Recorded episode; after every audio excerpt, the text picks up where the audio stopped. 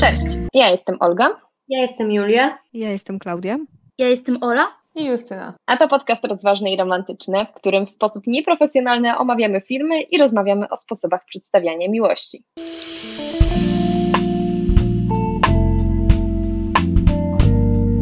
Cześć wszystkim. Witamy Was już w czwartym odcinku podcastu Rozważne i Romantyczne, w którym mówimy sobie o relacjach i rozmawiamy o filmach romantycznych. I w dzisiejszym odcinku będzie film bardzo specyficzny. Ponieważ jak wskazuje film web, jest to film romantyczny, ale z gatunkiem można by było się tutaj kłócić, ponieważ przez wielu jest on uważany bardziej za swego rodzaju film erotyczny. I po tym wstępie możecie już się domyśleć, że dzisiaj będziemy mówić o 50 twarzach Greya. Film dość kontrowersyjny, może nie z perspektywy 2021 roku, ale na pewno z perspektywy 2015 roku, ponieważ pamiętam, kiedy on wyszedł i pamiętam to wielkie oburzenie całego świadka filmowego i nie tylko filmowego pod tytułem jak można było nakręcić taki film? I tutaj jest moje pytanie do Was, dziewczyny. Czy Wy pamiętacie wtedy, jak Grey wszedł do kin? Bo to był rok, tak, w Polsce wyszedł on 13 lutego 2015 roku, akurat na walentynki. Pamiętam, że wszyscy szturm, szturmem ruszyli do kin wtedy. I my byliśmy dość młode, ponieważ no, to był, miałyśmy po 14, 15 lat, a jednak mimo wszystko o tym się dużo mówiło i o tym się słyszało. Czy wy byłyście w kinie na tym filmie w ogóle? Ja dokładnie pamiętam e, właśnie moment, kiedy ten film był już w Polsce dostępny, był w kinie, ale ja w kinie nie byłam. Ja w ogóle nie obejrzałam go jako jedna z pierwszych osób. Obejrzałam go może po raz pierwszy po roku, także no nie byłam tą jedną z pierwszych, która e, od razu była taka chętna obejrzeć ten film. Ja jako napalona piętnastolatka po przeczytaniu trzech części gry, ja niestety w tym momencie się muszę przyznać. Oczywiście chciałam bardzo pojechać na to do kina. Oczywiście już chciałam w te walentynki, bo to wtedy było coś niesamowitego, ale pochodzę z mojej miejscowości do kina, to musiałabym jechać do innego miasta. To się wszystko pokomplikowało, pamiętam moją rozpacz ogromną, że nie mogę pojechać sobie na Greja.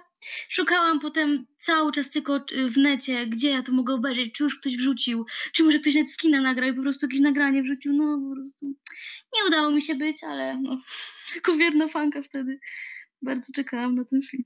E, ja tak najbardziej pamiętam, jak czytałam tą książkę jeszcze tak pokryjomu przed rodzicami i, i przed wszystkimi dookoła, e, no bo to było jeszcze takie nieodpowiednie dla mnie i, i w ogóle dla otoczenia dookoła mnie, czytaj dla rodziców na przykład.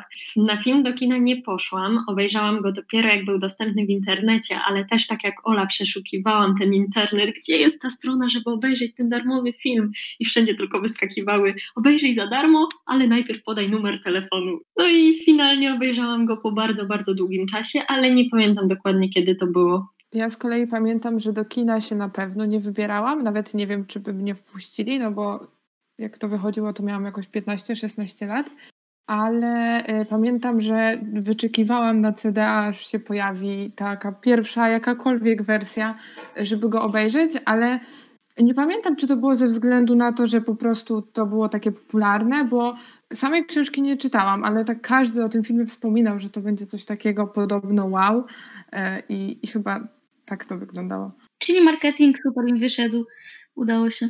Moim zdaniem zdecydowanie. Ja też muszę Wam się przyznać, że tutaj ja y, czołowa feministka, moje największe wyznanie. Owszem, ja również pamiętam w gimnazjum przeczytałam wszystkie trzy części w zastraszająco krótkim tempie i były mi one nielegalnie podrzucane przez moją ciocię, tak żeby moi rodzice tego nie widzieli.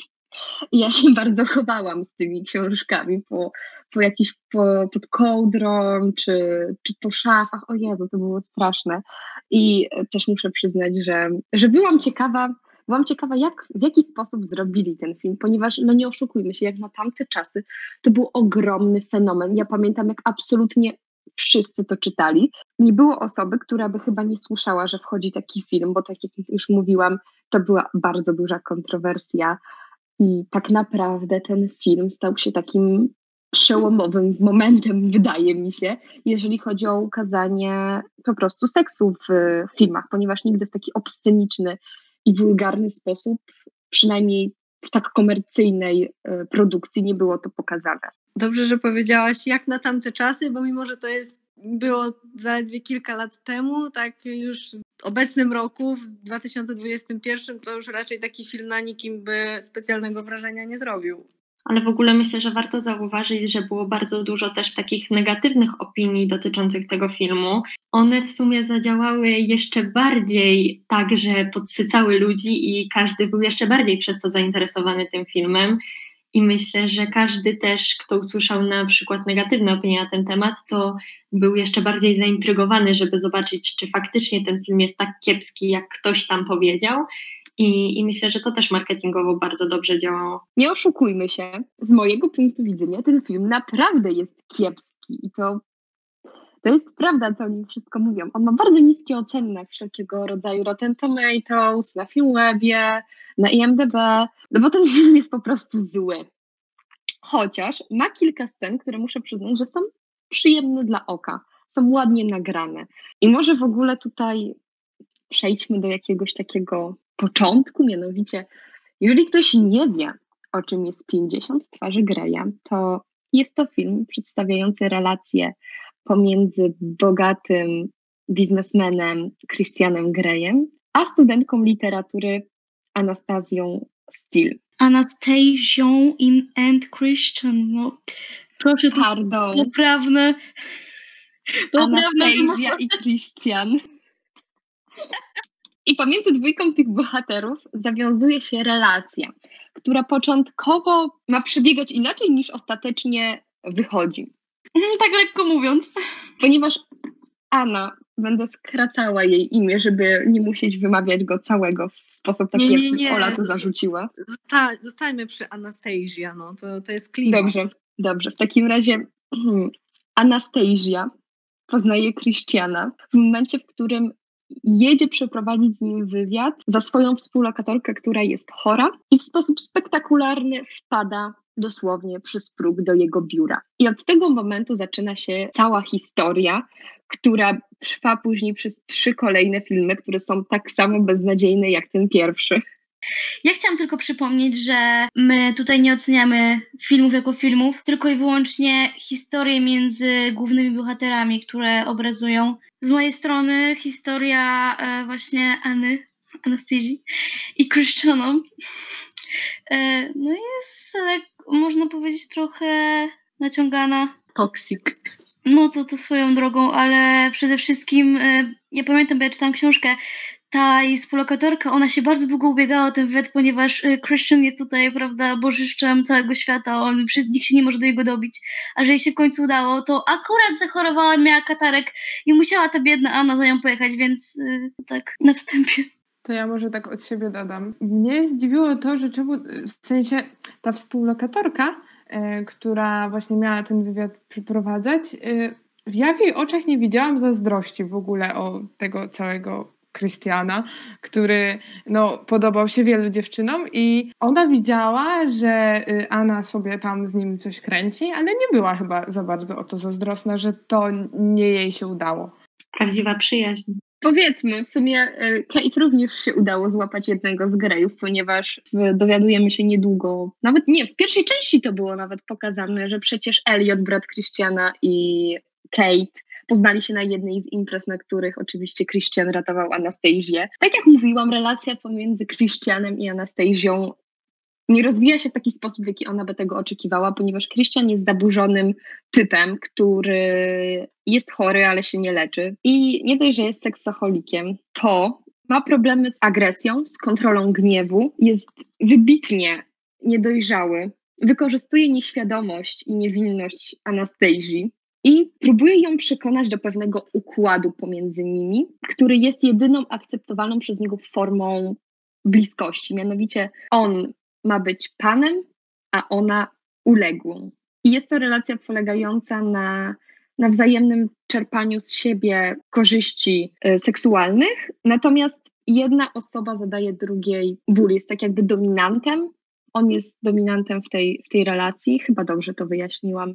No tak, po prostu e, on, jej, on wychodzi z propozycją e, takiego układu, bo to nie jest związek, bo on nie lubi być w związkach, on nie lubi być w związkach, on jest jakiś skrzywiony, e, co potem się rozjaśnia trochę, trochę mm, dlaczego. Więc no nie wiem, czy inaczej to można nazwać. No po prostu ona totalnie nie wie, co ma zrobić, ponieważ jest wciąż dziewicą i ona po prostu nie ogarnia w ogóle o co chodzi. E, zaczynają sobie mailować i wychodzą takie śmieszne jakieś niedomówienia, śmieszne, nieśmieszne. Tak, ponieważ oni mają, tutaj głównym punktem tego jest to, że Anna musi podpisać układ pomiędzy tą dwójką i ona musi podpisać taką jak klauzulę poufności. Tak, umowa. Która, tak, taką umowę, która zobowiązuje ją do milczenia w sprawach ich związku, tego jak on naprawdę wygląda, no i w tej umowie znajdują się po prostu rzeczy, które będą robić, a których nie będą robić. I tak właściwie to, czy ona to podpisze, czy nie, to jest tak naprawdę główna oś tego filmu, ponieważ ona ostatecznie tego nigdy nie podpisuje, a Christian dąży do tego, żeby. Chociaż później to trochę się zaciera, więc. No ale tak jakby ta umowa jest jakby głównym członem tej historii. Nie wiem, czy tylko mnie zastanawia to, że Anastasia jest aż tak nieświadomą seksualnie kobietą, będąc w XXI wieku. I mimo, że to było kilka lat temu, to nadal jest XXI wiek i ona jest po studiach, a jest tak nieświadoma seksualnie i strasznie mnie drażniła jej osoba, już nawet nie odnosząc się do Christiana, to a na mnie bardzo, bardzo drażniła, zwłaszcza to jej takie niezdecydowanie na wszystko. Z jednej strony tu, o Jezu, Grey ją tak fascynuje i pragnie go poznać i jeszcze więcej chce i tak dalej, a z drugiej strony, kiedy on jej opowiada coś tam o sobie, to ona nagle kuli ten ogon i, i nie potrafi podjąć decyzji, czego tak naprawdę chce i strasznie mnie to irytuje, kiedy ktokolwiek nie potrafi określić takiego swojego stanowiska, wolę, kiedy te bohaterki jednak w naszych filmach jasno wytyczają te granice i są świadome tego, czego pragną od związku, czy tam od świata, od faceta. I nie wiem, czy tylko was tak to irytowało, że ona wszystko było dla niej takiego o Jezu, to nie wiedziałam. I, i to było takie wow, i to było dla niej wow. I jakby, no hello, ona jest starsza od nas, znaczy jakby w tym filmie była starsza od nas, a ona totalnie nic nie wiedziała o życiu seksualnym ona była naszą rówieśniczką. Tutaj chciałabym zrobić taki mały disclaimer, że przynajmniej w książkach tak było, w filmie chyba też to było zaznaczone, że ona ma 21 lat. Natomiast Christian ma 27, 8. Jest między nimi jakaś mała różnica wieku, która jest bardzo, bardzo demonizowana przez wszystkich, że on jest taki stary dla niej. No, zresztą dobrze, wracajmy do Julki. Ja myślę, że jest przede wszystkim wykreowaną taką postacią, e, właśnie na taką szarą myszkę, taką, która za bardzo nic nie wie, bo ona całe życie właśnie w książkach siedziała, potem studiowała tą filologię, więc ona całe życie w tych książkach tylko i się uczyła, no i czekała na kogoś e, specjalnego w swoim życiu. No i nie wie dziewczyna, no, no to też po pierwsze, po pierwsze kreacja postaci, po drugie może też czasy, nie, nie wiem w którym roku ta książka była napisana, typowo była pisana, ale myślę, że to nie było wcześniej niż, wcześniej? Nie, myślę, że to był jakiś, nie wiem, 2010 rok, 11, 12, no coś takiego, więc to też może jeszcze... Przepraszam, dokładnie wyszła w 2011 roku. O proszę. W ogóle jeszcze co do Anastazji, to Dakota może i wygląda jak ta Anastazja opisana w książce, ale widać, że ona bardzo, ale to bardzo nie rozumie tej bohaterki. Nie wiem, czy czy tylko mi się to rzuciło w oczy, ale Dakota nadmiernie stara się w ogóle, żeby, żeby te wszystkie jej kwestie były takie uwodzicielskie i zmysłowe i wychodzi jej to tak strasznie sztucznie, że ja śmiałam się w wielu momentach i jakby widać, że ta Dakota całkowicie odbiega w prawdziwym życiu od tej bohaterki, którą ma grać w tym filmie. Nie wiem, jakie są najbardziej takie śmieszne i cringe'owe zachowania Anny, które zapamiętaliście, bo ja mam ich w głowie no mnóstwo. Znaczy mi się wydaje, że to jest właśnie y, kreacja jej jako bohaterki, bo ona przecież właśnie, mimo że gra postać jaką gra, to jednak jest taka no, grzeczna, tak jak powiedziałyśmy wcześniej, książki, studia, nauka i tak dalej, że stąd wynika może trochę jej niewiedza i takie niektóre może dziwne dla oka zachowania.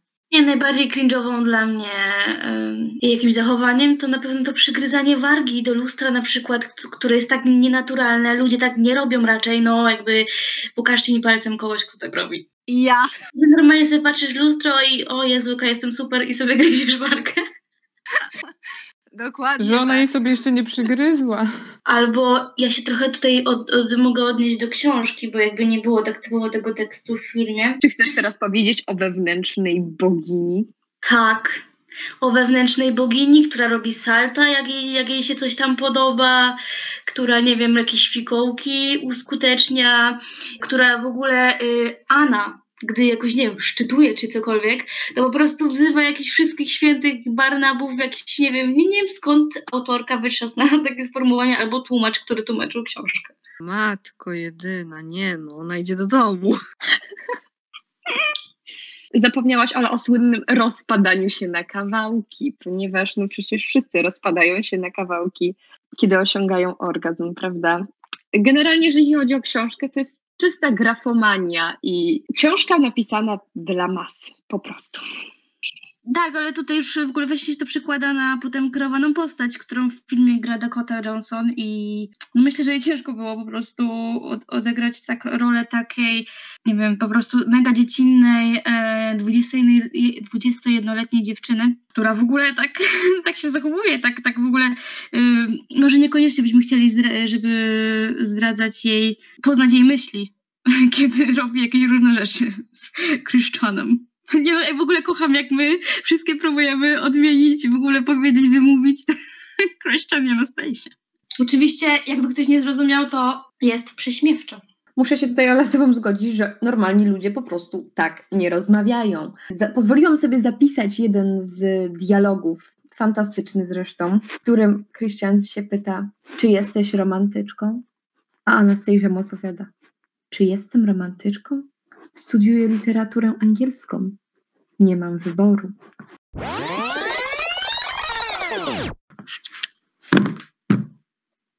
Czy coś tam się stało? Co to za dźwięki w tle? Lub z szafy wypadł. Zrób ci z szafy wypad. Dawaj, to, pod, to ci pomogę pod krakowem zwłoki wyrzucimy. Nie Nie ruszaj. ma problemu. Dobra. Trupie z szafy Olgi, jeśli ona ci tam więzi, to weź, nie wiem, zastukaj jeszcze raz. Wszystko w porządku, ma jedzenie, wodę. Czasami wyprowadzam na spacer. Uuu, tak jak Christian Anastasia normalnie na smyczy. Widzisz, że się Olga spodobały te perwersje. No bo ja się po prostu czasami muszę odpalić. Dobra, let's move on, girls, because we are standing still. So, okay, all, all, all right.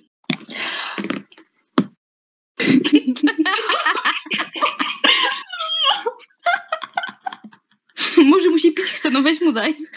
Weź mu rozpuść kostkę lodu w buzie Christian na Anastazji. Mm, to jest 365 dni. To Massimo o tej, Laurze tak zrobił. Christian też tak zrobił na Christian robił z kieliszka, wyciągnął u niej w domu, co ty gadasz? A, ale to on sobie ją tak, to była taka perwersja, wiecie o co chodzi? On, on tak po całym ciele jej przejechał, a nie? No, tak było. To jest straszne, że my takie szczegóły pamiętamy. Generalnie moim zdaniem największy problem z Aną jest taki, że ona jest bardzo, tak jak mówiłyście, nieświadoma, ale też nieświadoma swojego wyglądu. Nam jest mówione, że ona jest super atrakcyjną dziewczyną i że każdy chłopak się w niej kocha. Nie, Dla, nie. dla przykładu, nie, serio nie. o tak, Serio nie, bo ta, nie, ona nie była kreowana na piękną właśnie dziewczynę, tylko taką raczej zwykłą. Tylko spina w kucyczka włosy i w ogóle, że się nie maluje, że jest taka skromniusia i że nie jest świadoma. Właśnie mi się wydaje, że ona tak bardziej była kreowana. Tak, ale wielokrotnie jest podkreślane to, że ona się podoba wielu mężczyznom, a jest, a jest po prostu nieświadoma tego, że się podoba tak wielu mężczyznom. No i mamy czem? Krystiana, mamy Jose, ten jej kumpel od e, fotografii, mamy tego typa z, z, Jacka. z sklepu, gdzie pracowała. Nawet sam Krystian mówi, że nie jesteś świadoma, jak, pięk, jak, jak bardzo piękna jesteś. Kocham, jak udajesz tej dialogi. Tak, Boże, kocham, jak ty, Olga, próbujesz grać ich rolę. Ty, tobie to wychodzi lepiej. Ma być lepszą Anastazją. Omówiłyśmy sobie już Anastazję, że jest ona taka krucha, niewinna, nieświadoma, więc proponuję przejść tutaj do Krystiana, ponieważ to jest bardzo ciekawy przypadek, ponieważ jest jej absolutnym przeciwieństwem w każdej możliwej postaci. Ponieważ jest on przede wszystkim pewny siebie, zawadiacki, tak bym go mogła określić, ale też, tak jak mówiłam, niestabilny emocjonalnie, z problemami z gniewem, manipulant. Z perspektywy filmu możemy zobaczyć, jak bardzo jest on niedojrzały, po, z potrzebą ciągłej kontroli wszystkiego, i wszystkich. Są, jest wiele scen, w którym on mówi zjedz coś, albo do Anastazji, albo nie możesz tam pojechać, albo czemu mi nie powiedziałaś, że gdzieś jedziesz, albo zostań tu, przyjadę po ciebie, musisz wziąć ten samochód, czemu mi nie odpisałaś na maila. I to są momenty, w których zaczynamy sobie uświadamiać, jak bardzo jest to toksyczna relacja i w jak zły sposób, przynajmniej moim zdaniem, jest ona romantyzowana. Ponieważ tak naprawdę, gdyby, gdyby to nie był wielki, przystojny, bogaty Christian Grey, to taki film by nie powstał, bo clue tego wszystkiego jest właśnie to, że on wydaje się taki nieosiągalny dla wszystkich tak ładnie to powiedziałeś, że nawet nie wiem, co dodać. Tak, no cała jego postać tak naprawdę opiera się na jego aparycji, no bo jakby nie był właśnie przystojnym miliarderem, czy tam nawet multimiliarderem, to no tak naprawdę jego postać by nie miała sensu. Więc jakby wszystko, wszystko właśnie się opiera o ten jego wygląd i, i, i Anna się nim zainteresowała też pewnie głównie dlatego. W sensie chodzi o wygląd, nie o pieniądze. A czy tu znowu nie pojawia się ten typ faceta wychowanego przez wilki? Tak, zdecydowanie. Christian jest typowym facetem wychowanym przez wilki, z trudną przeszłością, która do tej pory się na nim odbija i on w ten sposób uważa, że może sobie rekompensować trudne dzieciństwo. Tak, to już kolejny przypadek, w którym pojawia, kolejny film, który omawiamy, w którym pojawia nam się ten schemat i znowu jest ten skomplikowany mężczyzna, pełen wewnętrznego mroku, skrywanego bólu, trudne dzieciństwo. I ta biedna, nieświadoma dziewczyna, która chce go uleczyć. I później dziwić się, że my głupie robimy tak samo. Aj, aj, aj, aj. Właśnie uważacie, że udało jej się go uleczyć? Ona próbowała go zrozumieć w jakiś sposób, tylko że nie do końca wiedziała jak, bo tak z jednej strony chciała zobaczyć, jak to jest być z nim i próbować tych różnych rzeczy, i później, kiedy już tego spróbowała, to mówiła, że ja tego nie rozumiem, ja tego nie mogę pojąć, i próbowała, ale jej nie wychodziło. No, po prostu tak bardzo chciała stworzyć z nim jakąś relację głębszą, że y, przyzwalała na wiele rzeczy, próbowała je zrozumieć. No ale właśnie no ciężko jej na pewno było, bo no, no nie oszukujmy się, to, to bardzo pokręcona, toksyczna e, i relacja i, i w ogóle cały jej obiekt westchnień. Tak, bo nie wspomniałyśmy też o tym, że Christian przed Anastazją miał chyba 16 innych kobiet, 16 innych uległych i każda z nich odchodziła, bo stosunkowo każda w nim się zakochy, zakochiwała, a on nie szukał romansu.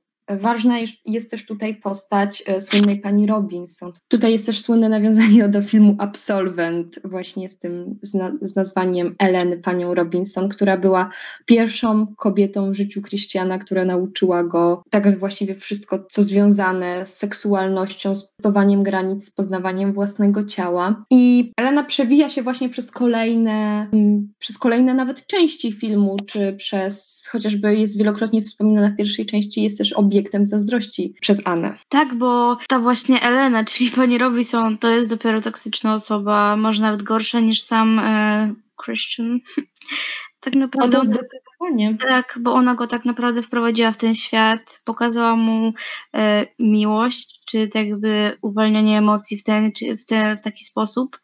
E, ją po prostu jest od, nie, wiem ile on tam miał, 15 lat, jak z nią, czy tam 14 nawet, jak stracił z nią e, e, dziewictwo i po prostu i ona mu pokazała to wszystko i, bo to chyba tak naprawdę było odreagowywanie z jego strony, bo on tam był jakimś właśnie takim mega gniewnym nastolatkiem, e, wdało się w bójki, więc jakby to było takie, taka ucieczka od tych emocji, upust ich, e, więc można tak naprawdę powiedzieć, że w dużej mierze to jest jej wina, tym kim się stał Christian, co, nie, co oczywiście nie usprawiedliwia e, samego głównego bohatera. Powiedziałyśmy sobie o Krystianie i na pewno każde z tych wydarzeń, które się tam wydarzyły w jakiś sposób tam wpłynęły na to, jaki on później był, ale wydaje mi się, że pojawienie się w ogóle w tym jego życiu Anastazji tak powoli, takimi malusieńkimi kroczkami trochę zaczynało burzyć ten jego cały dotychczasowy porządek, ten perfekcyjny, taki wręcz nawet pedantyczny świat, y, w którym on sobie tam żył. Trochę zaczął się burzyć i on sam zdawał sobie w pewnym czasie z tego sprawę, że i początkowo tak się wzbraniał przed tymi kontaktami z nią, ale w końcu ten mur taki został naruszony i ta potrzeba bliskości Anastazji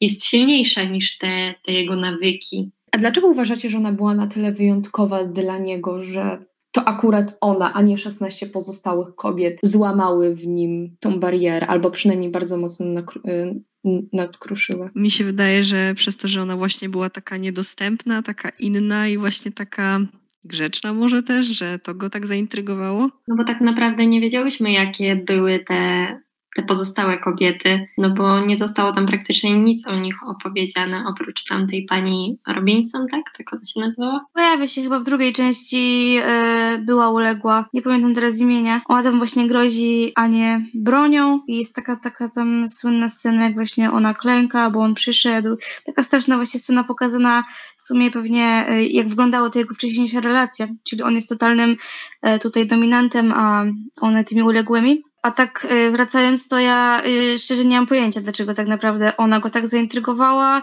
y, co miała w sobie takiego nadzwyczajnego, że takiego tutaj młodego i gniewnego Krystiana tak zaintrygowała, że tak się w niej zakochał, że po prostu postanowił zmienić całe swoje tak naprawdę przyzwyczajenia i, i to jak żył, bo no nie oszukujmy się, ciężkie było coś takiego do zrobienia. Może właśnie to go zaintrygowało w Anastazji, że właśnie ona nie chciała mu się poddać i, i walczyła z tym, no bo przecież na pewno wiemy ze swojego życia, że jak się poddamy mężczyźnie, no to w końcu go to nudzi, a, a jednak jak cały czas gdzieś tam pojawiają się jakieś takie zbieżności i znaczy rozbieżności i, i walczymy delikatnie ze sobą nawzajem, to jest bardziej podkręcane to, e, to, to ciśnienie między nami i, i bardziej się chce tą drugą osobę, więc może tutaj zadziałało coś takiego. E, ja też nie do końca rozumiem, rozumiem to, dlatego zadałam Wam to pytanie. Skłaniałabym się tu ku wersji Oli, że to nie jest nam przedstawione dobrze w tym filmie.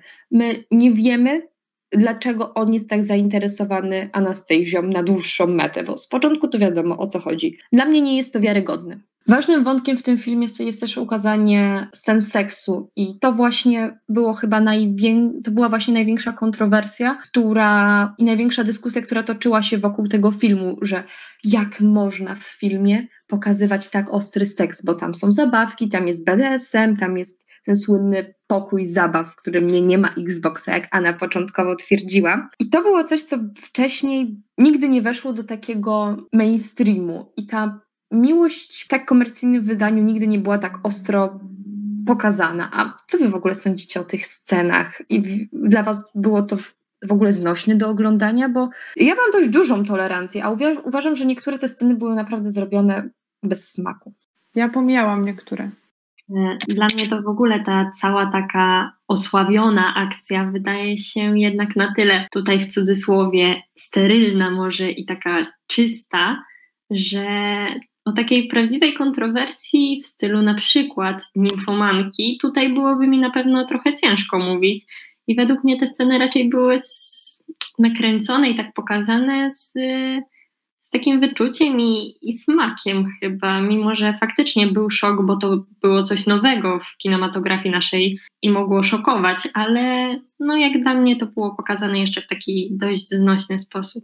Dla mnie niektóre sceny były, po prostu ciężko mi się to oglądało, żeby, żeby nie poczuć takiego zażenowania, że, że to jest takie niezręczne, że że to jest takie nienaturalne, że to jest takie wszystko na siłę. Też ciekawa jestem, jak się ci aktorzy czuli przy sobie, bo, było, bo moim zdaniem to było widać, że mega, że mega, wiecie, że tak, że, że tam między nimi nie ma chemii, między tymi aktorami, więc ciężko im było to odegrać. No ale w ogóle niezręczność jest często w patrzeniu na seks innych ludzi w filmach.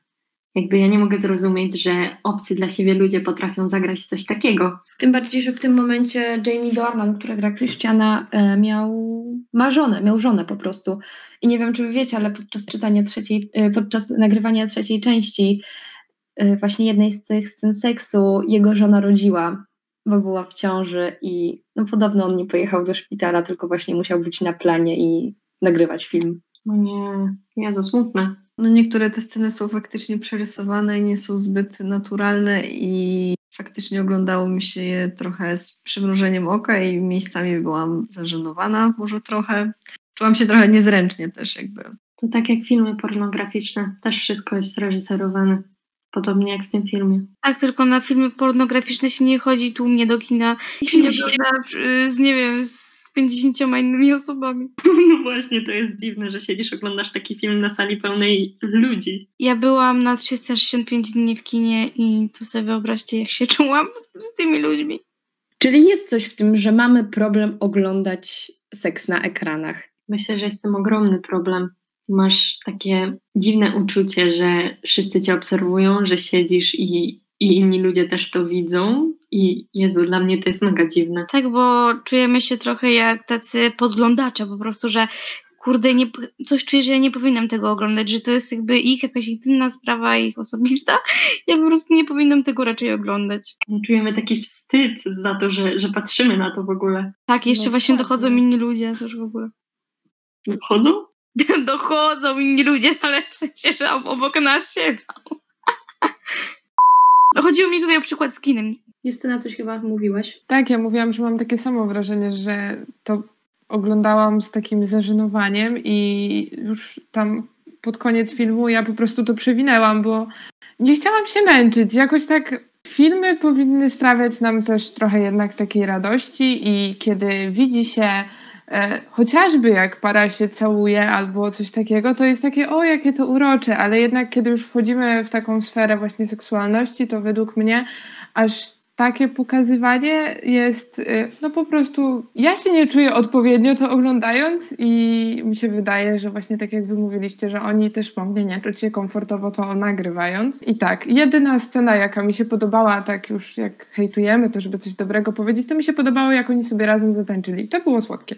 Jeśli chodzi o mnie, to ja wolę na pewno patrzeć na takie sceny seksu pokazane w sposób bardziej sensualny, kiedy mamy na przykład taki wstęp, że się rozbierają i później jest przeskok do, do sytuacji, kiedy oni już sobie uroczo leżą w łóżku i jest po wszystkim, niż, niż patrzeć na każdy szczegół. To, to ja tak wolę na pewno. A ja znowu mam troszkę inaczej, ponieważ uważam, że można zrobić bardzo ładną, bardzo sensualną, pełną napięcia scenę seksu z pokazywaniem absolutnie wszystkiego i można to zrobić ze smakiem. Tylko to też trzeba po prostu wyczuć. A ten film ewidentnie tego nie wyczuwa i jest po prostu zrobiony w niektórych momentach bardzo ordynarnie. I powiem Wam, że jak tak sobie teraz myślę, to ten fenomen, jakim był Grey, bo nie oszukujmy się, to był fenomen w pewnym momencie, wyniknął z tego, że w końcu było pokazane to, że kobiety też mogą lubić seks. Że było pokazane to, że kobiety też mają, czują pożądanie, mają potrzeby i że mogą po prostu, może ich dotykać to w taki sam sposób jak mężczyzn. E, No ale wiecie co, generalnie to, jak mówiłam o tym takim, o tym, że można to zrobić ze smakiem, to ja na przykład uważam, że całkiem ładnie jest zrobiona ta scena z waniliowym seksem. Właśnie ta pierwsza, kiedy oni po raz pierwszy y, uprawiają seks. Uważam, że ona jest całkiem ładnie zrobiona. Nie miałam jakichś większych problemów z patrzeniem na nią. Kadry były ładne, było bardzo ładnie ciało pokazane, emocje, jakieś nowe doznania i to było spoko, a później już się faktycznie zrobiło bardzo ordynarnie. No bo to był jej pierwszy raz, musiało być delikatnie i ładnie pokazane. No bo to było takie w cudzysłowie bardziej normalne niż takie różne BDSM i rzeczy, które się raczej tak na co dzień nie ogląda.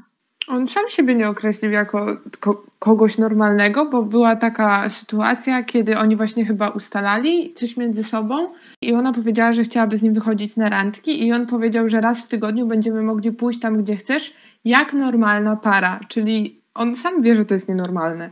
Tak, i wydaje mi się, że to był ten moment, w którym ta granica, którą on ustanowił przez te wszystkie poprzednie lata z tymi uległymi, została przekroczona. Mówiąc jej, że okej, on jest gotowy na jakiegoś typu zobo- zobowiązanie, czyli właśnie w postaci tej jednej randki. Tak, no jest tak pokazane już tak typowo, jak, jaki on jest zepsuty i, i że takie w sumie normalne, codzienne rzeczy go mega stresują i, i nie wie, jak się zachować w tej sytuacji. No dobrze, ale żeby tak nie zjechać całkowicie tego filmu, to ja sobie wypisałam tutaj rzeczy, które mi się spodobały. Po pierwsze, ścieżka dźwiękowa. Uważam, że muzyka jest bardzo fajna i jest to jeden z najlepszych, jak nie najlepszy element tego filmu i muszę się przyznać, że czasami do tej pory słucham ścieżki dźwiękowej z tego filmu, bo jest naprawdę fantastyczna. Specjalna spe- playlista na Spotify, nawet soundtrack, uwielbiam. No moim zdaniem to jest dzięki właśnie e, promocji tego filmu. E, to właśnie muzyka zrobiła tutaj e, robotę i, i te wszystkie trailery, zwiastuny, to, to tam się niby miało nie dziać i jakby moim zdaniem y, PR marketing zrobił robotę. No a czy się film obronił, to już y, każdy niech sobie sam odpowie na to pytanie. Bardzo klimatyczna jest ta muzyka. Ona jest taka trochę tajemnicza, sensualna, momentami romantyczna, ale też smutna. Ale na przykład ten tytułowy numer, ten główny Ellie Golding, Love Me Like You Do, przecież to był szał na tą piosenkę.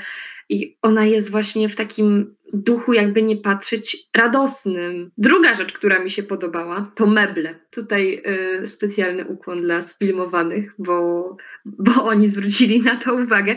Ale faktycznie meble są bardzo ładne. Christian ma bardzo ładny apartament, biurowce są ładnie zrobione, mieszkanie Anastazji. Meble są bardzo ładne. Tak, film jest bardzo estetyczny, trzeba przyznać.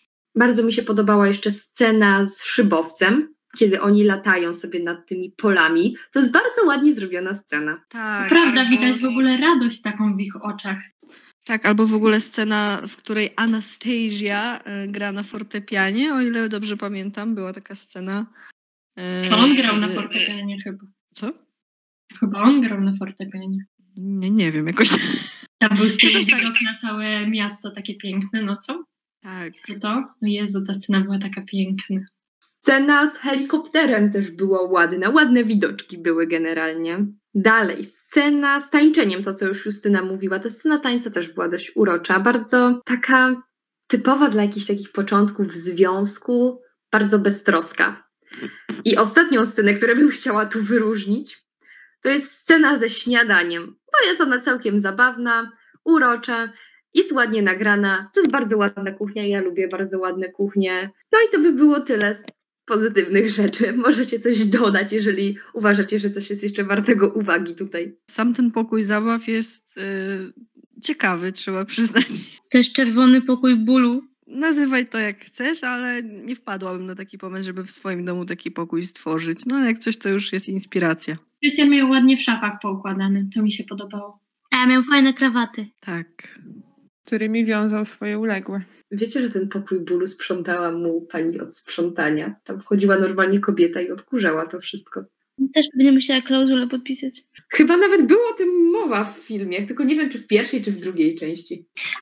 Bo chyba właśnie się An- Anastazja, spy- Anastazja spytała, y, no, no właśnie o co- coś w tym stylu, że czy ktoś tutaj sprząta, że ta pani sprząta, bo on ją jakoś chyba tak jakoś tak na ręce, czy tam se przerzucił jak worek ziemniaków i po prostu ta, ta babeczka to widziała i potem chyba jakoś tak się wyszła rozmowa o tym.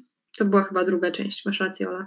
Może przejdziemy do ostatniej sceny, czyli chyba najbardziej tutaj kończącej oczywiście, czyli takiej można powiedzieć najbardziej kontrowersy- kontrowersyjnej z całego filmu, e, czyli to jak e, Anastazję, już puszczają e, nerwy i wręcz prosi swojego tutaj kochanka, żeby jej pokazał, co tak naprawdę go podnieca, co on tak naprawdę lubi, przy czym e, kiedy on już jej się decyduje to pokazać, czyli scenę, w której no, bije ją paskiem. Ona e, się oburza, e, cierpi z bólu i, i, i odchodzi od niego.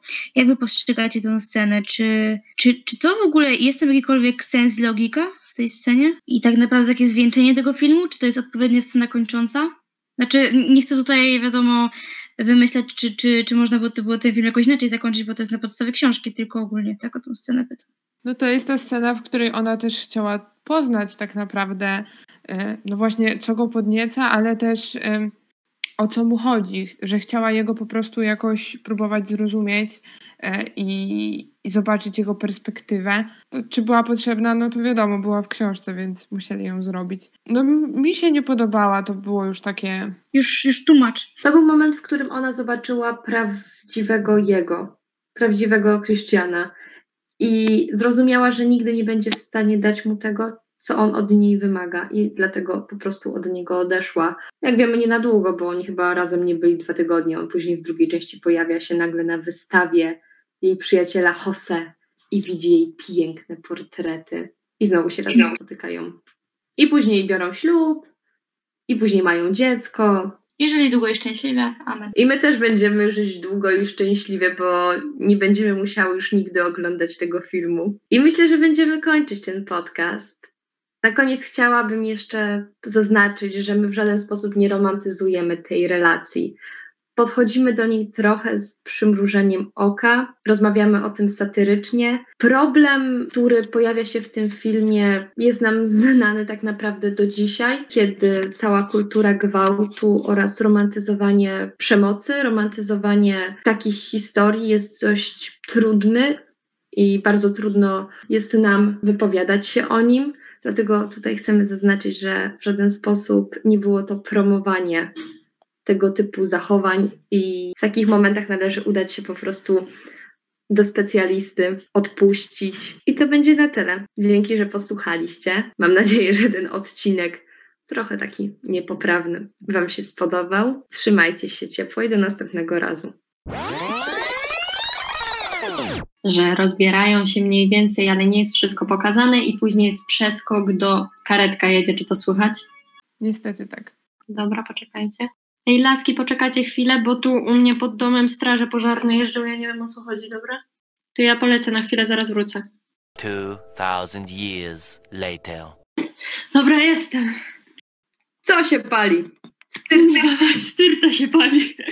Styrta się pali, styrta się już dopala. U mnie się tu nigdy nic nie dzieje, bo ja mieszkam na takiej bocznej drodze całkowicie. Nagle patrzę, straż jedna tak blisko mnie, mówię, kurwa, co się dzieje? Druga, trzecia. Wyszłam na balkon, a tu pogrzebowy wraca z, z góry. Mówię, kurwa, co się stało? I wyszłam tam, patrzę, a tam cała wieś procesją idzie. No i taki dym. Zaczekałyście na mnie, czy nie? Tak, zaczekałyśmy. Cieszymy się, że to nie ty płoniesz. Anastasia. Christian.